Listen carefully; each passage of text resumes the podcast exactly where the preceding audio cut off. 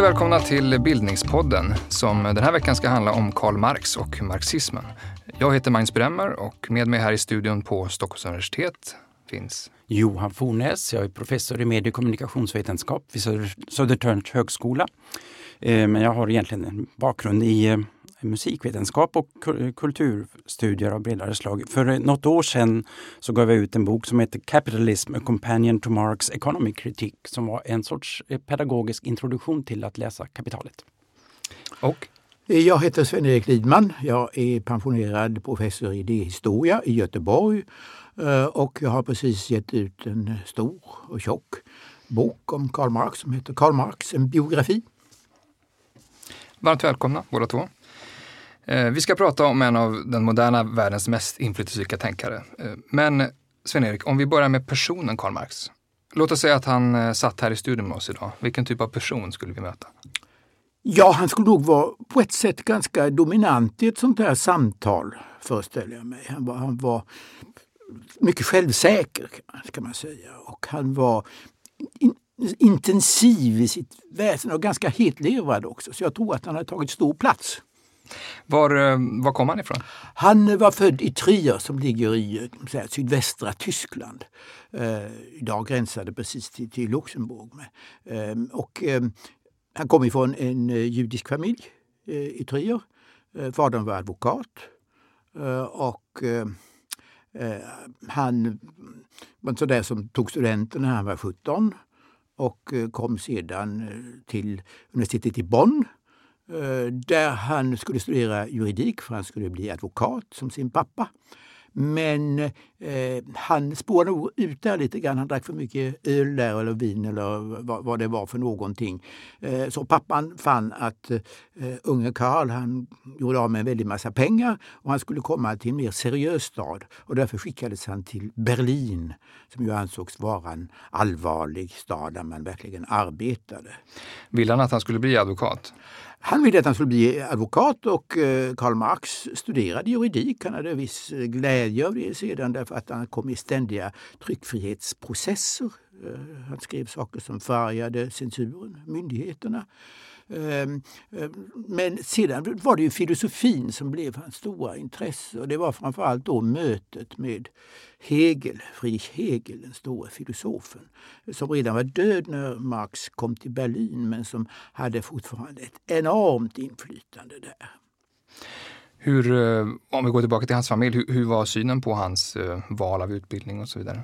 Ja, alltså att han skulle läsa mm, juridik från början, det var alldeles självklart eh, därför att han skulle gå i pappas fotspår. Eh, och pappa hade ju haft en betydligt svårare väg in eh, in i, i, i ämbetsvärlden och tyckte att Karl hade det så oerhört väl förspänt.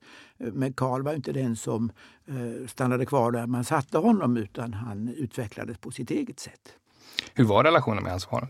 Ja, alltså på ett sätt var den väldigt intensiv. Alltså det, det, det, fadern dog precis efter det att Marx hade fyllt 20 år, så det var, det var tidigt. Hela familjen var drabbad av tuberkulos. Um, alltså man kan säga, det är en brevväxling som handlar väldigt mycket om att pappan skriver att du gör av med alldeles för mycket pengar. Hur mycket pengar gjorde han av 700 taler och eh, pappan säger att 500 taler det är vad adelsynglingar gör av med och, och du gör av med ännu mer. Eh, och du kan inte redovisa ordentligt. Så det, det, är rätt mycket grälande men samtidigt så det, finns det en väldig som kärlek och värme i den här korrespondensen. Den unge Karl skriver dikter också som han skickar till sin pappa som säger att men Karl, du vet att jag är en totalt opoetisk natur. Men han läser dem? Han läser dem och eh, blir eh, rätt förskräckt över att eh, Marx där är så romantisk i tidens anda. Hur, hur, vad är romantik? Ja, vad innebär där, det? Där är det, alltså detta, det var nu kallas senromantik i och för sig. Alltså detta att man är liksom söndersliten, ångestriden, alla de stora frågorna ramlar över en och sådär. Det tycker pappa, vad är det för någonting? Man ska vara måttfull. Eh, man ska liksom veta precis var man är på väg och inte det här, de stora gesterna och detta. Så att eh, han, han är inte glad över detta. Vilka andra människor påverkar honom under den här tiden? Ja, alltså det, det blir ju väldigt mycket Hegel, Hegel radikalt tolkad. Han, han kom i kontakt med många andra människor. Han kom i kontakt med just de här radikala Hegellärjungarna som, som kallades unghegelianerna eller vänsterhegelianerna som talade om en nödvändig samhällsförändring. Eh, och han ingick i denna, denna grupp. Alltså det som är så påfallande med Marx, vart han än kommer, är att han blir en ganska eh, central figur. Han är yngre, han är den enda i den där gruppen som han tillhör som ännu inte har disputerat. Men ändå är det han som blir den som, eh, som märks och framhålls och som ses ha karriärmöjligheterna. Eh, sen är det, det, det som händer eh, honom och alla hans radikala kamrater det är att plötsligt regimen, den preussiska regimen säger att ni får aldrig några tjänster vid universitetet. Och det som Karl Marx gör då, som flera andra i och för sig, det är att ge sig in i eh, tidningsvärlden istället. Så han blir eh, journalist eh, och blir så småningom chef för en tidning. Så ung han är, han är bara 22, 23 år, 23 år gammal. Ehm, 24 kanske till och med. Eh, eh, Rheinische Zeitung i Köln skriver oerhört intressanta artiklar där, mycket om pressfrihet, om yttrandefrihet och liknande. Eh, men där, där kan man se att det kommer ett socialt engagemang där i, i det hela också som är intressant. Alltså, eh, den lag som man ska trumfa igenom eh, då i, i hela det området, alltså från Köln och söderut och ner till Trier och så vidare, som går ut på att fattiga människor som tidigare haft rätt att plocka bär och svamp och annat i skogarna och plocka upp grenar och allt som har fallit ner då ska plötsligt förbjudas detta. Och det har att göra med alltså att äganderätten börjar bli mer exklusiv. Alltså eh, ingen har rätt till detta. Och det reagerar Marx på. Det han, det han följer det är ju egentligen det kapitalistiska ägandesystemets genombrott i de här annars inte särskilt avancerade trakterna av, av Europa. Skriver han om det? Han skriver en, en artikel som väl egentligen slutet då på den här tidningens historia för att censuren blev fullständigt rasande. Alltså den tas upp i eh, regeringskretsar och så, eh, ända upp i Berlin. Att, att eh, eh den, den här oförskämda artikeln där han går till attack mot så här, de fina, förnäma människorna nere i sydvästra Tyskland. När blir han kommunist? Ja, det, det, är inte under den tiden, för men censuren sätter stopp för detta. Eh, och eh, han förvisas ut ur landet och han beger sig till Paris med sin unga fru Jenny. Eh, och där kom han i kontakt med alltså den tidiga socialismen och kommunismen. Alltså skillnaden mellan socialism och kommunism var väldigt flytande vid den tiden. Eh, kommunisterna ansågs vara lite mer jordnära, socialisterna var mer idégivare och så. Men han kommer in i den här enormt eh, fruktbara Parismiljön på 1840-talet och sugs in i detta, blir en central figur där väldigt tidigt. Det är det att han har en en släkting, eh, en eh, kusin som heter Heinrich Heine som är en stor tysk skald, alltså fortfarande räknas som en av de stora, eh, som också har tillgång till salongerna i Paris. Så troligen var Marx sådär lite, liten gäst eh, sådär i några av de fina salongerna. Möjligen hörde han både Liszt och, och eh, Chopin spela, alltså två av de stora pianovirtuoserna. Men det vet vi inget säkert om. Det vi vet säkert det är att han gav sig in i revolutionära kretsar i, i, i Paris. Eh, för det, det fanns plo, eh, eh, polisspioner från, från Preussen närvarande där. Och det intressanta är att Marx kom in som nybörjare också. Men ju, i rapporterna hem till Preussen från de här eh, hemliga sammankomsterna står alltid Marx namn först. Så att här har vi, vi har alltså en person som under sin studietid eh, lever ett vidlyftigt liv, eh, finansierad av sin far eh, och umgås i, i salongskretsar i Paris. Men samtidigt har ett engagemang för arbetare. Oh ja, alltså detta var ju det, det här, säga, man säger att typiskt för Marx är dels att han hela sitt liv lever över sina tillgångar. Även när han blir oerhört fattig så lever han över sina tillgångar och det är inte så konstigt. Men även när han fick ganska mycket pengar hemifrån. Nu dör ju pappan under hans studietid. Han får en del pengar hemifrån men med samma hans ekonomiska situation mycket sämre i Paris. Mm. Eh, tar han aktiva kontakter med arbetarrörelsen? Eh, ja, han, han glider in i detta. Det är det att, att eh, så många då kallade sig socialister, men Heine kallade sig socialist. Och även eh, Marie Dagout och Georges Sand, alltså de stora som kvinnliga ledare, de kallade sig ledarfigurerna, stora litterära eh, med mera gestalter, de kallade sig socialister. Eh, så det var inte så konstigt. Man läste alltså de, de stora socialistiska inspiratörerna som blev inspiratörer för Marx Marx också, alltså eh, Saint-Simon och Fourier, de som sedan som ett uttryck från Marx och Engels kallas för de utopiska socialisterna, men som Marx alltid talar väldigt väl om egentligen. De har bara inte hunnit så långt, va? Men, men han är oerhört fascinerad av dem. Alltså föreställningen om, om ett, ett annat, bättre samhälle. Var kom den här fascinationen för socialismen från i, i, i de här eh, salongskretsarna? Ja, alltså det var detta, I Paris hade det varit en revolution 1830 och eh, det var från början som hälsades med förtjusning av många. Alltså det var anledningen till exempel till att Heinrich Heine gav sig till, till Paris. Eh, men det blev ett förfärligt misslyckande. Det, De enda som gynnades var de allra rikaste. Man hade så att säga, en, en tid som kanske påminner rätt mycket om vår egentligen. Eh, och då kommer ett stort missnöje med regimen. Eh, och eh, inte minst bland de intellektuella, alltså de som satt och, och läste och diskuterade och hade sig. Men givetvis också bland arbetarna, bland hantverkarna, de unga gesällerna som, som, som fanns alltså i tusental i, i, i Paris.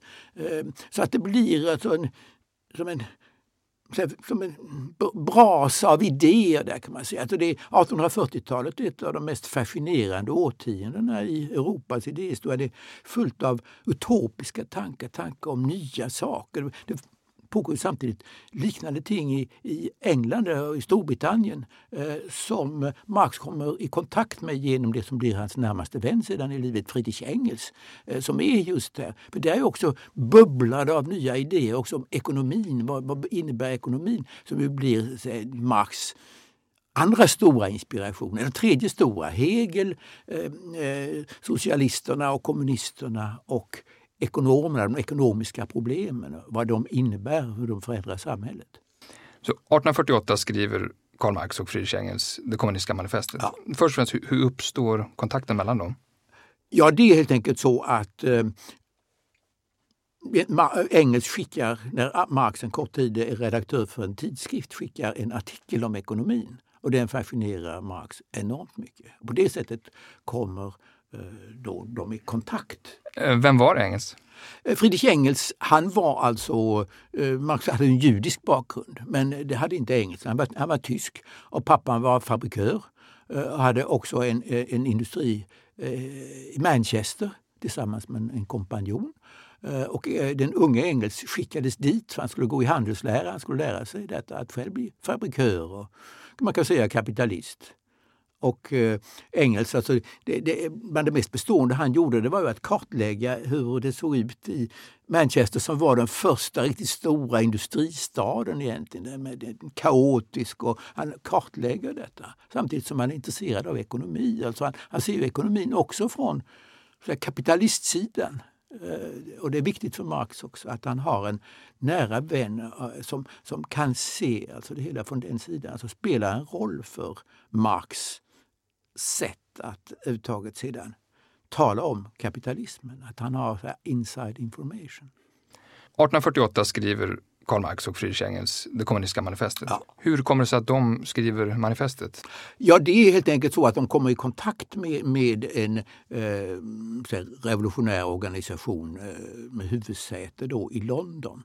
Eh, och eh, ja, de får helt enkelt i uppdrag att skriva detta. först skriver Engels vad han kallar en katekes. Eh, han kom själv ifrån en mycket religiös eh, bakgrund, vilket inte Marx gjorde.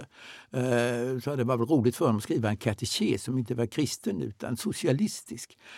Men sedan så visade det sig att det, den formen håller inte riktigt. Så det blir Marx som skriver det som det slutgiltiga. Men då har det är Engels som kommer på idén att detta ska bli ett manifest, det vill säga man ska manifestera, man ska visa för världen vad den här organisationen står för, det som då kallas kommunistiska partiet som en internationell organisation med väldigt många tyskar i, men också fransmän och, och britter.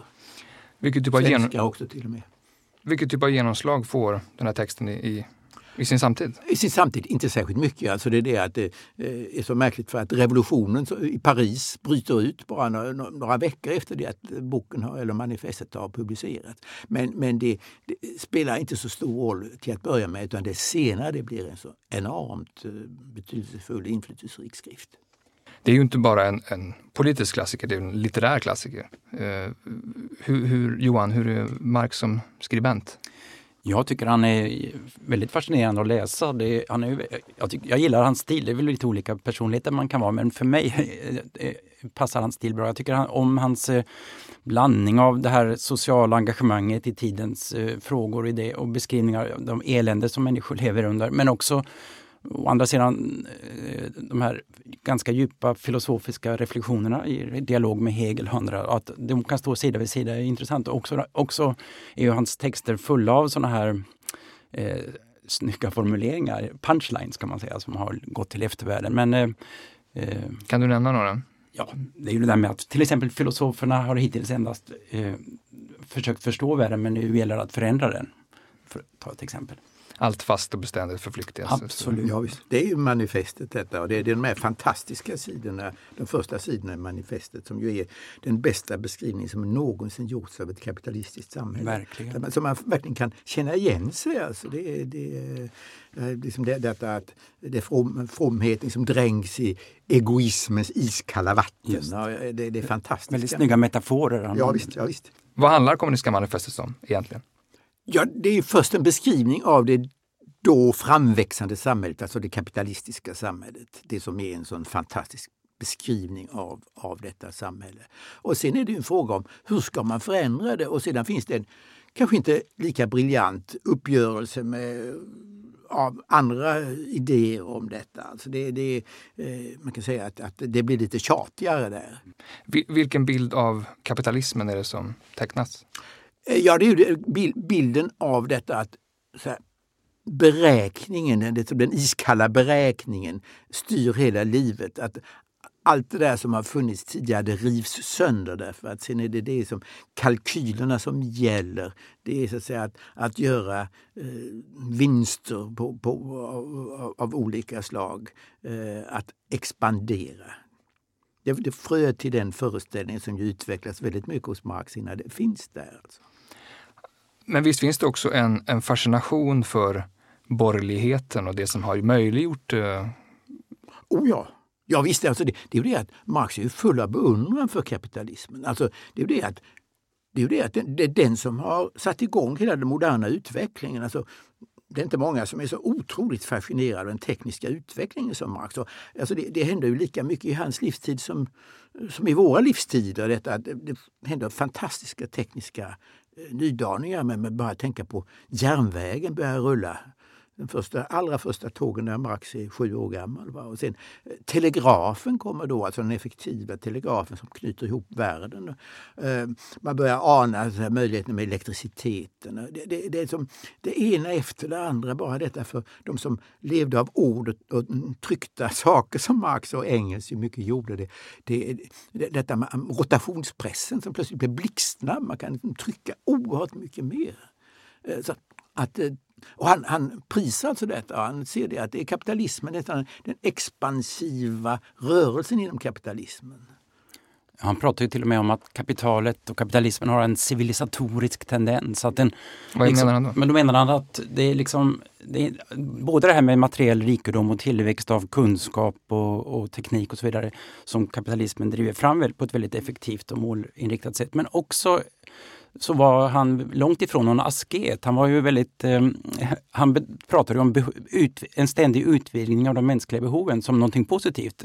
I, på 1900-talet så har det väl varit ibland vanligt att vissa vänstermänniskor har tyckt att liksom, vi har för mycket konstgjorda behov och vi ska tillbaka till något ursprungligt, bara rena enkla behov. Men det låg långt ifrån Marx tror jag som person och långt ifrån hans teorier också. För tvärtom menar han att det var bra att mänskliga behov blev eh, förfinade och utvecklade, att vi lärde oss uppskatta nya saker i, i livet och i världen och att det hörde till också kapitalismens effekter, att den att liksom berikar människors upplevelseförmågor. Det, ja, just det. Det, brukar liksom läggas dem till last att han levde, försökte leva ett borgerligt liv i, eh, i London. Men det att han menade att alla, alltså, det han Alla ville det var att arbetarna också skulle leva det där goda borgerliga livet som man kunde leva i mitten av 1800-talet. Det är intressant tycker jag också att hans utopi som han beskriver är ju individens fria Ja. utveckling och fulla utveckling. Det är intressant, han skulle ju kunna ha sagt kollektivets fria Mm. utveckling men det är faktiskt individens fria Ja, utveckling vilket Oh, ja. är en intressant, kanske man inte tänker på om man... Nej, nej. Är han liberal egentligen? Alltså det, det, alltså man kan väl säga så att, att liberalismen finns ju så här under detta. Alltså det, det, detta men det, det som är så avgörande för Marx är ju detta att frihet och jämlikhet förutsätter varandra. alltså men så här, de rena liberalerna de, de talar så oerhört mycket om frihet men att det går inte riktigt ihop med jämlikheten. Men för Marx är det det att alltså, allas frigörelse är individens frigörelse.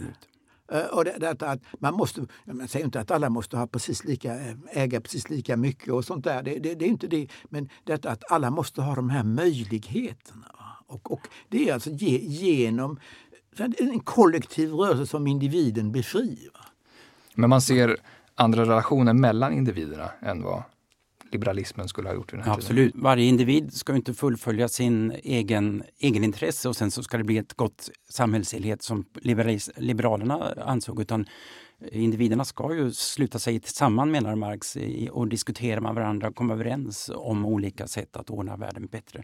Men det är ju det är intressant att han på något sätt är full av motsägelser kan han upplevas vara, precis som kapitalismen är i hans bild av kapitalismen. För också han pekar ju på en, eh, en märklig paradox. Liksom, att å ena sidan så är kapitalets samhälle en, en stor utjämnare och skillnader därför att den, det spelar ingen roll vilken börd man har och så vidare utan inför marknaden är vi på, alla pengar är liksom lika. Och, och så. Men samtidigt så eh, skapar kapitalismen de största ojämlikheterna som, som världen har sett liksom, genom, genom den, de konkurrensmekanismer som först verkar alldeles rättvisa. Att det, det, liksom, mm, som sagt, det spelar ingen roll om, det, om man är man eller kvinna, rik eller fattig från början.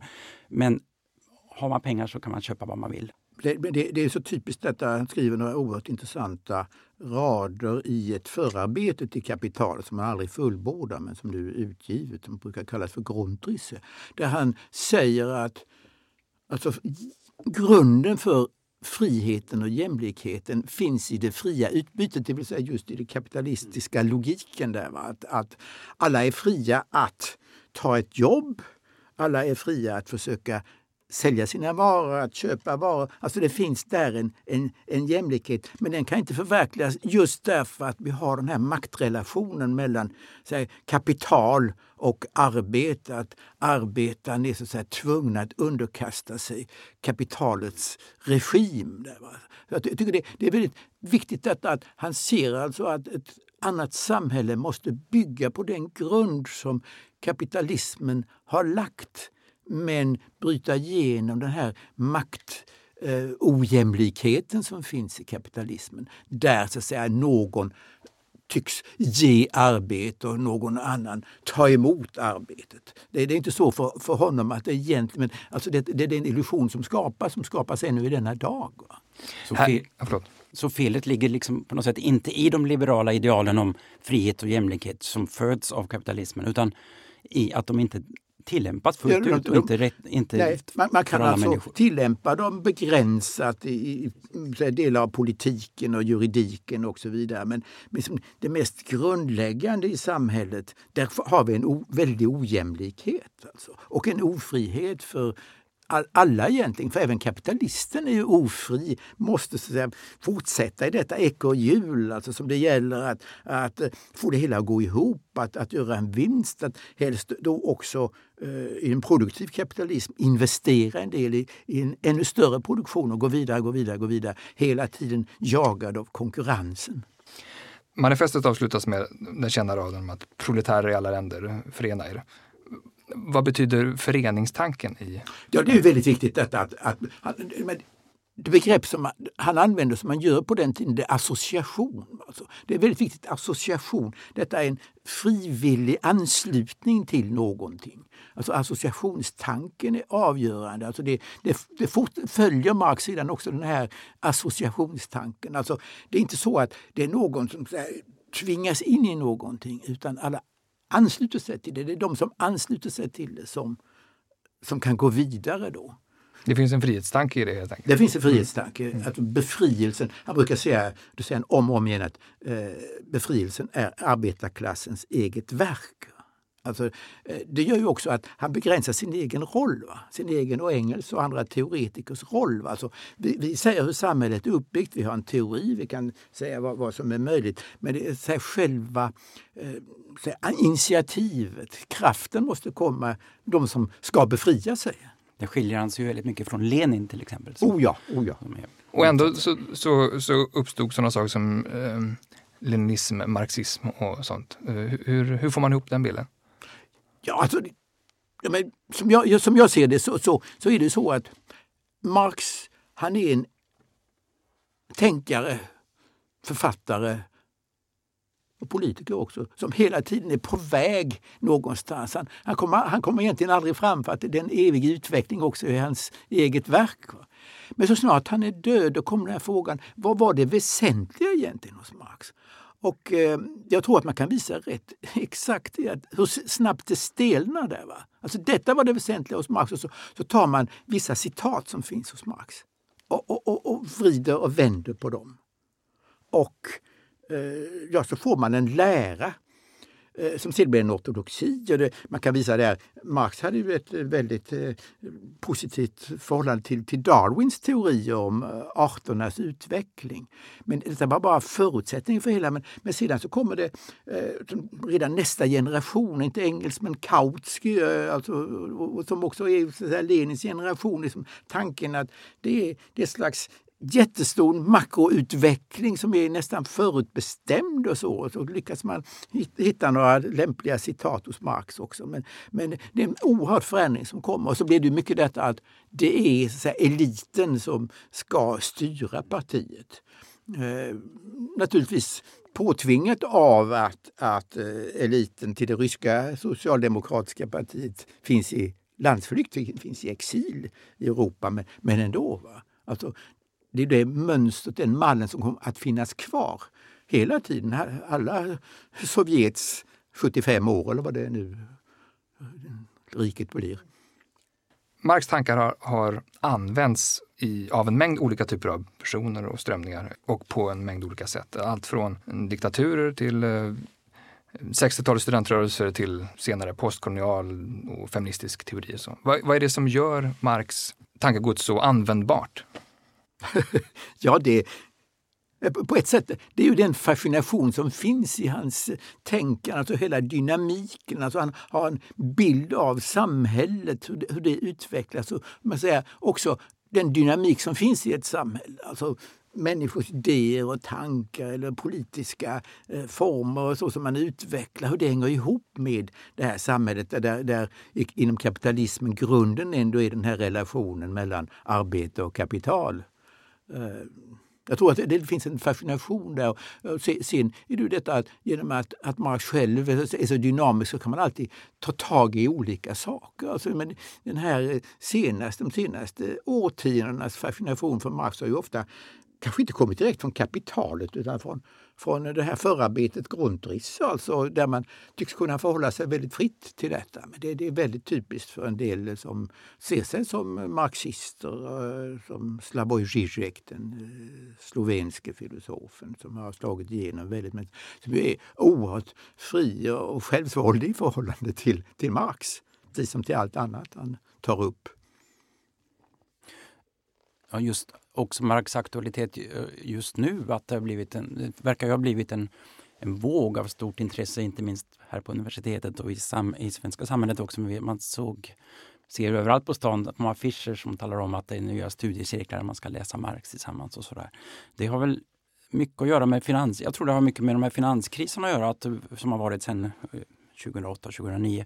Att, ehm, för just när det, det finansiella systemet eh, har problem så pekar det på något sätt ut, ehm, och det är inte bara förresten det finansiella utan också klimat och natur naturens eller klimatkrisen bidrar väl till detta. Att det pekar ut tillsammans någon sorts grundläggande problem med den ehm, kapitalistiska varuekonomins eh, expansionsmani så att säga. Och just där ökar intresset tror jag för, för Marx ekonomikritik därför att den eh, känns som en relevant svar eller analys av de här problemen. Om vi skulle applicera den lite grann.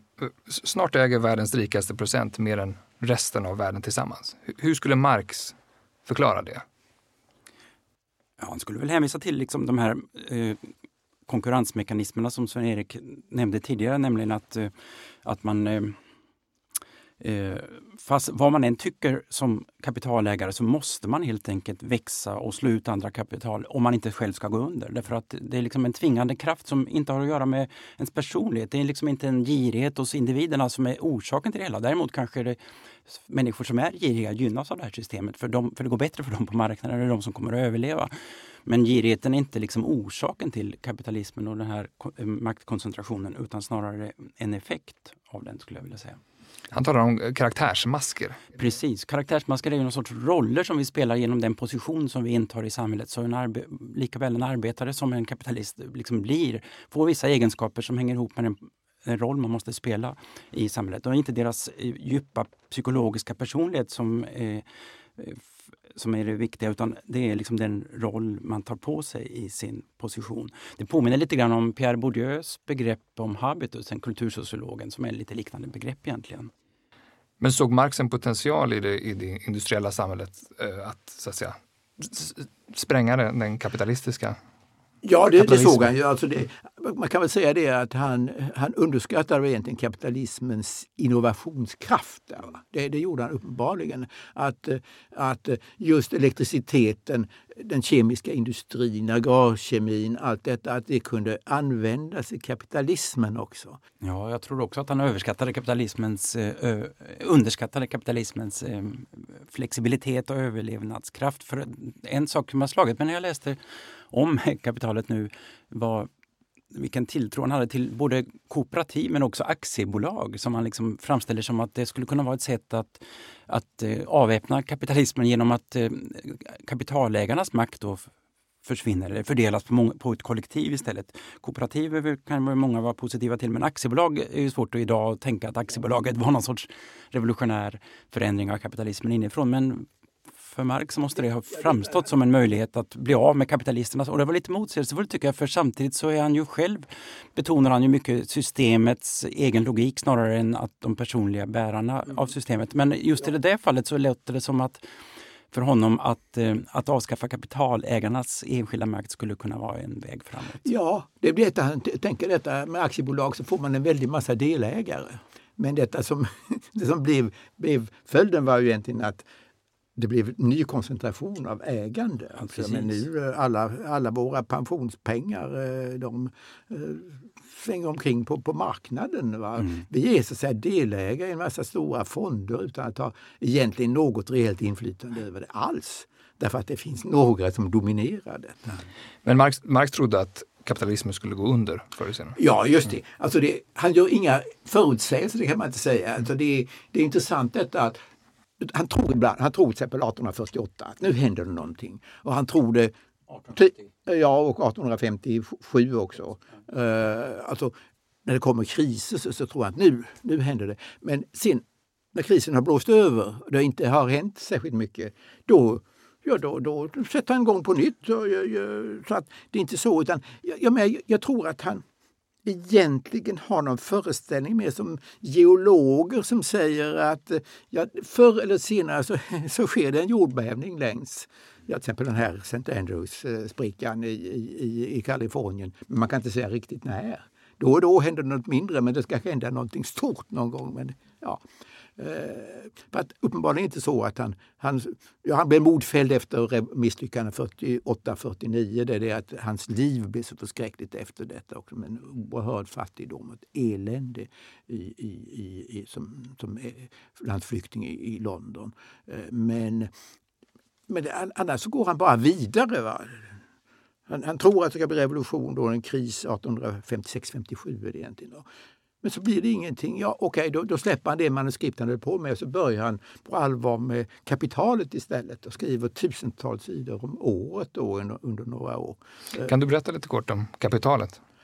Ja, det är ju hans stora projekt. Alltså, det kommer han ju att kalla detta. För det, det, början är det ju kritiken av den politiska ekonomin som förblir kapitalets underrubrik. Alltså detta att, att man ska se alltså man kritiserar å ena, både det faktiska systemet, det faktiska kapitalistiska systemet, men också de teorier som, som naturligen vuxit fram ur, ur detta. Och det, det är ju grunden. Men, men kapitalet blir ju hans stora projekt. Egentligen börjar med det redan i Paris, alltså det första, de där så kallade Parismanuskripten som är oerhört fascinerande, och, med en människobild och så vidare. Men sen tar han upp det så att säga, tar det ny fart och ny riktning när han väl är i London från i början av 1850-talet. Och, och sen Ja, han skriver och skriver och skriver och skriver. Det är när man nu har gett ut alla manuskript, eh, kapitalmanuskripten, det är ju eh, mer än en meter manuskript. Alltså. Eh, och, eh, men han, han blir ju färdig med ett band, det första bandet av Kapitalet. Eh, dock väldigt typiskt så, så gör han om det sedan några gånger. Och eh, när han är ja, redan egentligen dödssjuk då tänker han att ja, jag måste nog göra om det där mm. en gång till. Va? Så han är aldrig färdig. Han reviderade hela tiden ja, sina tankar och han har olika planer hur han ska gå vidare också ja, som skiftar hela tiden. Och det, I dagens marxister, många av dem håller på bråkar om vilken, ja, vilken är den bästa modellen, vilken är den slutliga. Ska man gå på den sista, senaste? Ja, ja men det kan man inte riktigt göra för då verkar, han har reviderat en massa saker som man tycker är värdefullt i de tidigare. Ja, men ska man ta, ta de tidiga, ja men det reviderar han ju senare. Ja det finns en massa sådana. Ja, så det finns ingen Marx man kan liksom låsa fast Nej, det finns... säga här finns Marx och det var det man försökte Precis. göra då. Det, det finns inget sånt facit, det finns ingen Nej. slutversion. Liksom. Men vad är, det för, ja, vad är det för typ av text? Hur läsbar är den idag? Jag tycker absolut den är läsbar. Första bandet är väl liksom lättast att arbeta med tycker jag. Andra bandet är det många som tycker är lätt att uppleva som lite tråkigt för den handlar, det är ganska mycket tabeller och siffror som handlar om, för det handlar om cirkulationen, om hur pengar flyttas mellan olika sektorer och så vidare. och så vidare. Tredje bandet blir spän mer spännande igen, även om det är ett väldigt splittrat band. Det var ju inte färdigt, det var inte han själv som gjorde det klart utan Engels. Nej. Och det, det, har man ju en stor fördel idag, att man kan exakt jämföra Engels version och det som Marx faktiskt skrev. Vad gjorde Engels med, med manuset? Ja, alltså han, han försökte förklara vissa saker hos Marx. Va? Alltså det, alltså, det sånt som tycktes kunna peka lite olika håll. Så, så harmoniserade han det, men också vissa idéer som var väldigt viktiga som försvann där. Alltså just det här, själva dynamiken kan man säga. Det, det blir Ja, ja. Alltså, det är, samtidigt även i engelsk version är det ett så oerhört ofullbordat avsnitt. För att det är först i sista kapitlet som Marx kommer fram till klasserna som ju alltså är något väldigt avgörande i samhället. Men det är ofärdigt. Där gör engels ingenting alltså, utan det blir bara det är en och en halv sida. Något ja, sånt där, eh, och sen skulle han ju fortsätta med staten och världsmarknaden ja, ja, och sådär. Det blir inte färdigt heller. Nej, det, det finns det inte. Men vad säger han om, om, om klassernas relation till kapitalismen? Ja, alltså det, han har inte hunnit utreda detta. Alltså det är klart att han har eh, kvar på ett sätt den här grunduppfattningen. Va? Det är att, sen, sen är det vissa saker som förvånar honom när han till exempel tittar på befolkningsstatistiken som man gör upp över, över, över Storbritannien. Att eh, till exempel det finns så väldigt många människor som är sysselsatta eh, alltså i, i medelklassens och de rika människornas, alltså adelns hem. Va? Alltså att eh, det, de är husor och butler och allt, allt vad det är för någonting. Eh, att detta är nästan en chock för honom, att de inte är prod, riktigt produktivt arbete där. Va? Han, han skrev det här i, i London där han var bosatt ja. från att han flydde ja. från Paris 1849. Ja, Hur påverkade det hans eh, skrivande? Ja, men på ett sätt så är det klart att han levde i en väldigt besvärlig situation, han och hans familj verkligen. Men samtidigt var det det att han hade då tillgång till British Museum, British Library, det stora biblioteket i London, eh, som han ju satt på väldigt mycket och satt och läste. Han läste ju kopiöst mycket. Alltså man ser vad han gjort anteckningar för böcker. Det är hur mycket som helst kan man tycka. Och det spelar en stor roll. Han menar ju det att han hade ett slags utsiktsposition där ute över världen. Han beskriver sig den tidens globalisering oerhört levande och det är framförallt i sina tidningsartiklar. Han skriver tidningsartiklar då eh, i New York Daily Tribune. Eh, alltså en amerikansk, en amerikansk tidning? Mm. tidning, en av de största i världen på den tiden. Varför skrev han inte en brittisk eh, tidning? Ja, han hade inte möjligheten till det. Alltså han, han publicerade liksom engelskt några artiklar då och då i, i brittiska tidningar. Men det var helt enkelt att han fick erbjudandet att skriva där. Och det, det var ju med tanke på att han nästan inte hade några inkomster alls. Ja, hur, hur, såg hans liv ut i, i London? Ja, det, det, var ju eländigt egentligen. Alltså, alltså Jenny Marx, hans fru, födde ju sju barn men fyra av dem dog. Varav ett, en pojke som hade hunnit bli åtta år gammal. Så att, men då skrev Marx att nu vet jag vad verklig olycka vill säga. Eh, så att eh, det var, eh, det var mycket hårda år.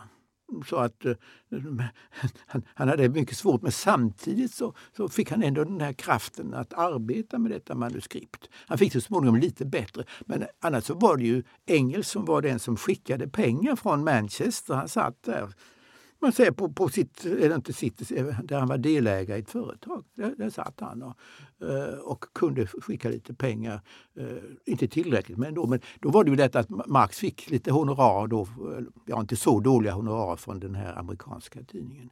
Och det, det är ju alltså en så oerhört viktig del tycker jag vad Marx gjorde också, att han skrev de här artiklarna eh, som mer ger ju, man kan säga, ögonblicksbilder av vad Marx, hur Marx såg på britternas härjningar i Indien, eh, vad som hände i Kina, också eh, Persien, dagens Iran. Alltså det skriver han om. Var han känd i sin egen tid? Alltså, var, han, då, var han känd under den här tiden?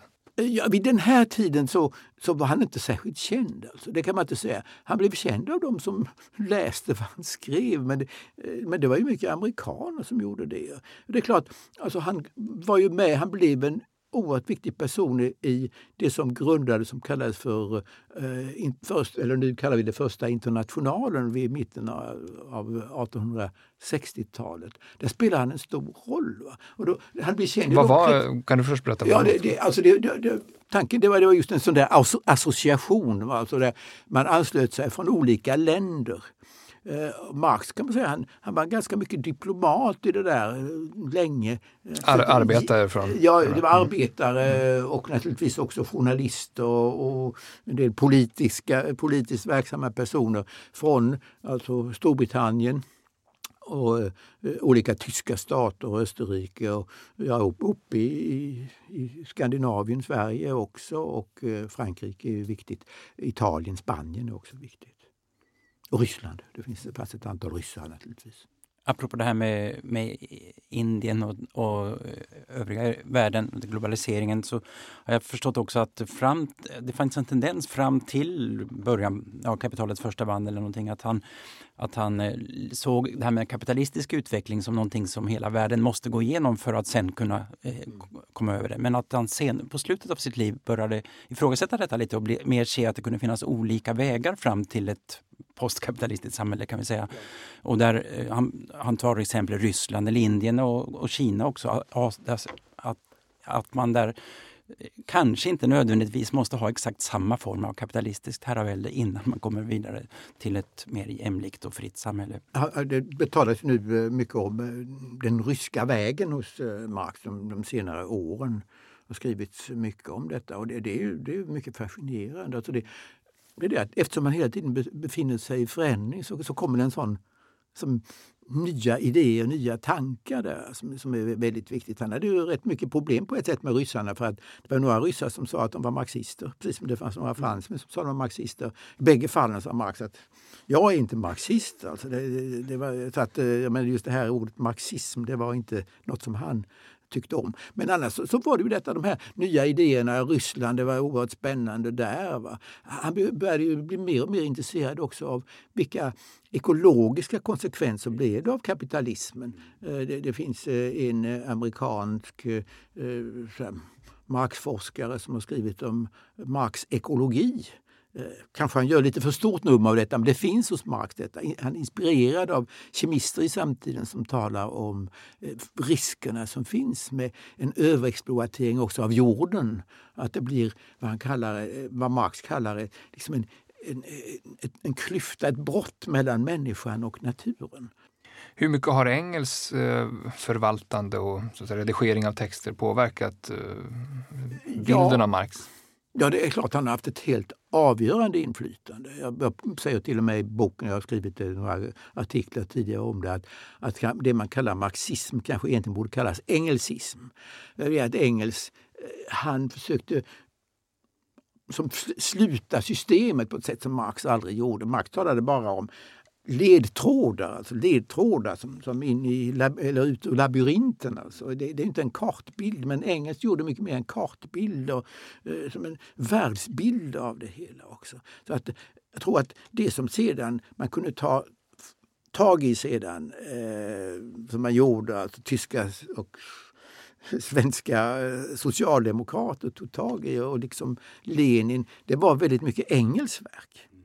Att, att eh, Marx eh, det var en som hela tiden utvecklades. Engels, han jobbade ju där uppe i Manchester fram till 1870 men sen satte han ju igång med mm, som ett antal, bland annat att försvara Marx mot kritiker av kapitalet på ett kanske lite då eh, ja, ett, ett sätt som inte var så farligt hos engelsmän men som sedan när de riktiga dogmatikerna kom, alltså framförallt i Moskva, alltså det, blev, det blev förfärligt. Alltså man började tala om dialektiska lagar. Engels hade lekt med tanken därför att den dyker upp lite sådär i en fotnot hos, eh, eller textställe, några rader hos Marx.